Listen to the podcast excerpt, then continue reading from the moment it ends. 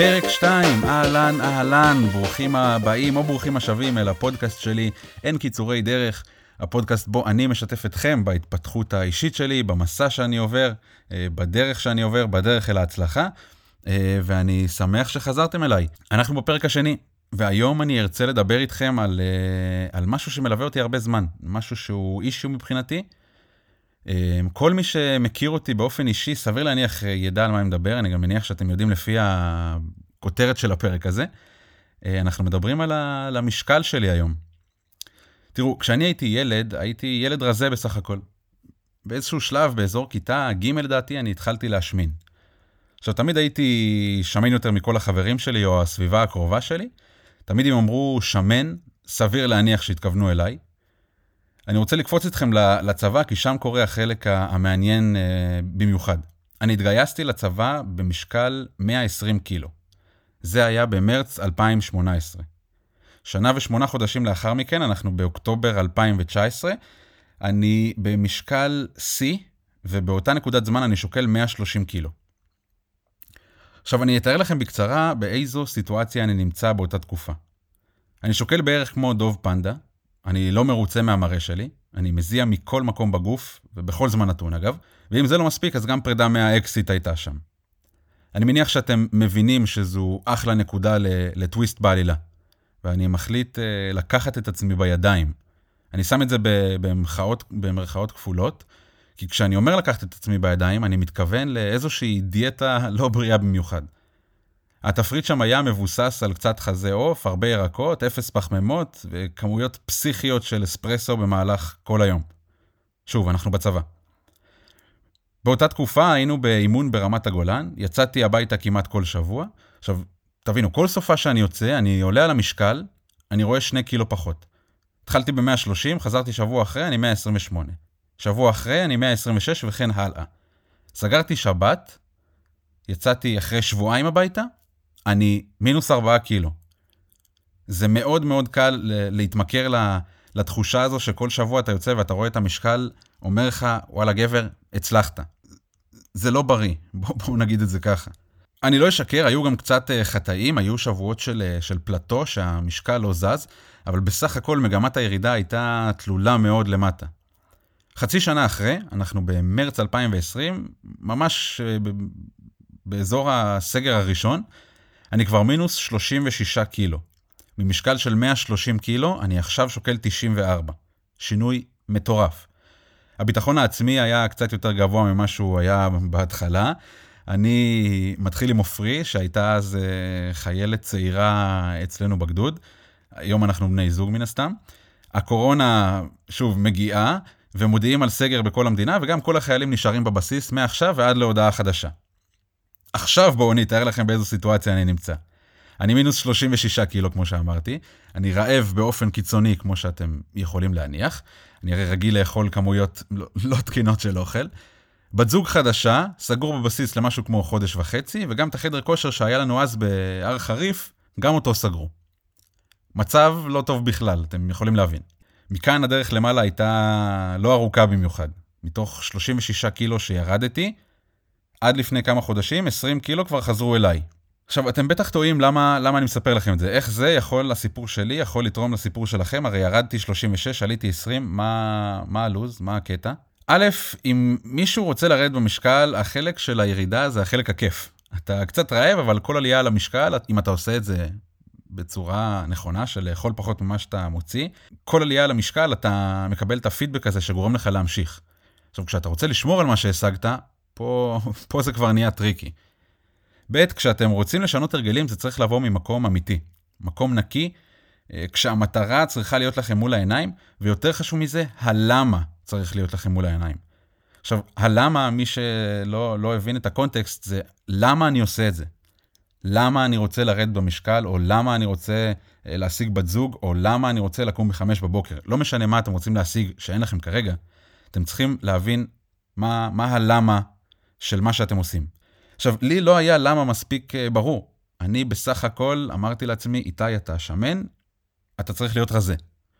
זהו, לא חשבתי על בריאות, לא חשבתי על uh, פיתוח גוף יותר מדי, לא חשבתי על שום דבר, פשוט הייתי שמן ונמאס לי, אז עשיתי איזושהי uh, דיאטה קיצונית. הגעתי לפסגת ההר, כמו, כמו שאומרים, הייתי שם תקופה קצרה, נשמתי את אוויר הפסגות, נשמע קלישאתי, אבל החלקתי חזרה עד ה base camp די מהר.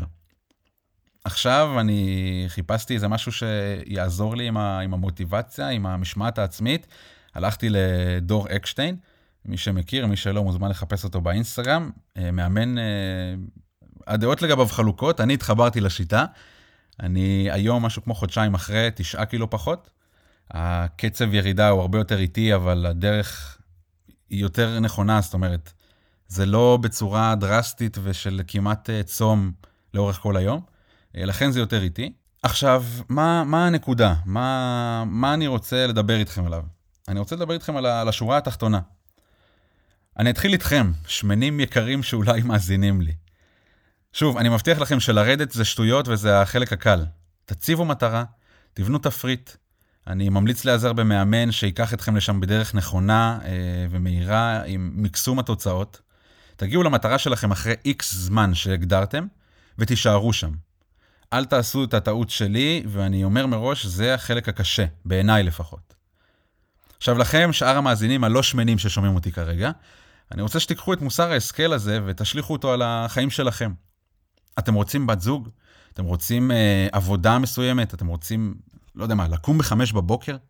תציבו את המטרה הזו, קחו מישהו שיעזור לכם לעשות את זה נכון, מישהו שכבר השיג את המטרה הזו שאתם רוצים להשיג, מישהו שיכול לכוון אתכם, לקחת אתכם בדרך נכונה. תגיעו למטרה הזאת אחרי איקס זמן שהגדרתם לעצמכם, ותישארו שם. זה החלק הקשה. אני הייתי בהרצאה לא מזמן של אה, איתן עזריה. הוא דיבר איתנו שם על הקטע הזה שתמיד אומרים לנו על, אה, על הצלחה, תמיד מדברים איתנו על איך להגיע להצלחה, אבל אף פעם לא מדברים איתנו על איך להישאר שם. וזה החלק הקשה. עכשיו, אני אשתף אתכם ממה שאני אה, למדתי מה, מההרצאה של אה, איתן עזריה, ואולי זה יעזור גם לכם.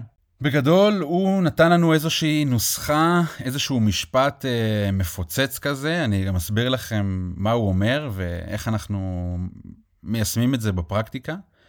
המשפט אומר דבר כזה, וזה ציטוט של איתן עזריה. לתת 100% להצלחה, אבל לא לתת לתוצאה להיות 100% ממי שאתה. ולמה אני מתכוון?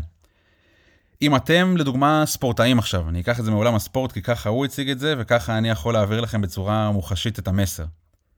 ספורטאי צריך לתת 100% מעצמו כדי להצליח, כדי להביא את, ה, את עצמו או את הקבוצה שלו לתוצאה מסוימת, למטרה שלהם.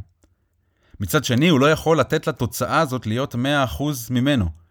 כי אם הוא יצליח, הוא לא יכול אה, להשתכר מזה, כי יציבו לו רף יותר גבוה מזה, ואז הוא כבר נכנס למרדף אחרי היעדים, וייתן להצלחה הזאת לקחת אותו אחורה. עוד משפט שהוא הציג לנו שם, אה, זה מה... מי שאמר את זה היה המאמן, אם אני לא טועה, של אה, קובי בריינט ומייקל ג'ורדן. אל תתפסו אותי אם אני טועה, אבל כך אני זוכר את זה. המשפט אומר דבר כזה, ואותו אני יכול לצטט לכם במדויק, כי את זה רשמתי. ביום שתחזרו הביתה ובני הזוג שלכם לא ידעו אם ניצחתם או הפסדתם, תדעו שהפכתם לווינרים. זה משפט מהספר של אותו מאמן של, אה, של מייקל ג'ורדן. בגדול אני מאוד מסכים עם המשפט הזה. ברגע שאני שמעתי את זה, וכמו שאתם יודעים, אני עובד במכירות, אני לא יודע להסביר את זה, אבל עשיתי איזשהו שינוי תפיסתי. מאיש מכירות שחוזר כל פעם הביתה בהיי אם הוא הצליח למכור, או בדאון אם הוא לא מכר היום שום דבר, זה איפשהו נעלם לי הקו מחשבה הזה. באיזשהו מקום באתי במין זריקה כזאת, במין... אני נותן את הכל ממה שאני יכול, אבל גם אם לא הצלחתי, או גם אם הצלחתי, אני לא נותן לזה להשפיע יותר מדי על מצב הרוח שלי, על מי שאני. עכשיו, תשאלו את הסביבה הקרובה שלי, הם יגידו לי, הם יגידו לכם, והם אומרים גם לי בזמן האחרון, מה זה איתי, משהו נראה בך שונה. אני חוזר הביתה שמח, ובני הבית אומרים לי, מה, מכרת היום אה, מלא? אמרתי, לא, את האמת שלא עשיתי היום עסקאות. זה היה נראה לי מוזר, כי מבחינתם אני חוזר שמח רק אם מכרתי ואני חוזר בדאון אם לא מכרתי. אז מה, מה פתאום השתנה פה? שוב, אני לוקח את המשפט הזה ואני מנסה כמה שיותר ליישם אותו בחיים שלי.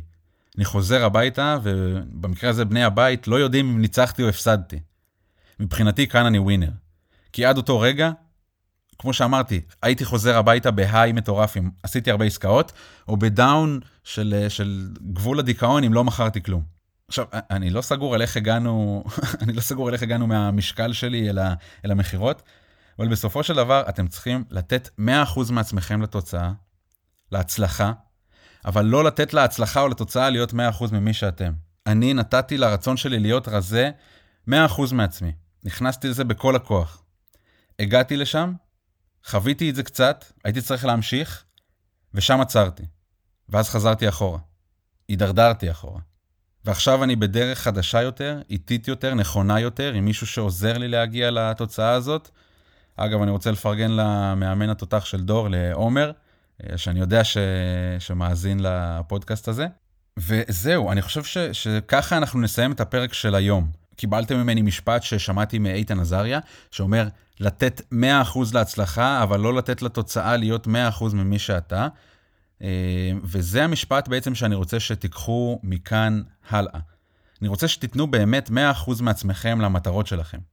אבל אם אתם נכשלים, אם זה כישלון רגעי או כישלון קצת יותר ארוך, אתם צריכים להמשיך וצריכים לזכור שההצלחה באיזשהו שלב תגיע אם אתם באמת עושים את כל מה שאתם יכולים. ומעבר לזה, אם אתם מצליחים, או לא אם, סליחה, כשאתם מצליחים, אתם לא יכולים לתת לתוצאה להיות 100% ממי שאתם, כי זה ייקח אתכם מהר מאוד אחורה, בדיוק כמו שאני לקחתי את, ה, את המשקל שלי, וזה דורדר, זה דורדר אחורה. אני מקווה ש, שלמדתם, שהשכלתם ושקיבלתם קצת מוטיבציה ממני אליכם. אני רוצה אה, להודות לכם שוב שהקדשתם מזמנכם להאזין לפרק הזה.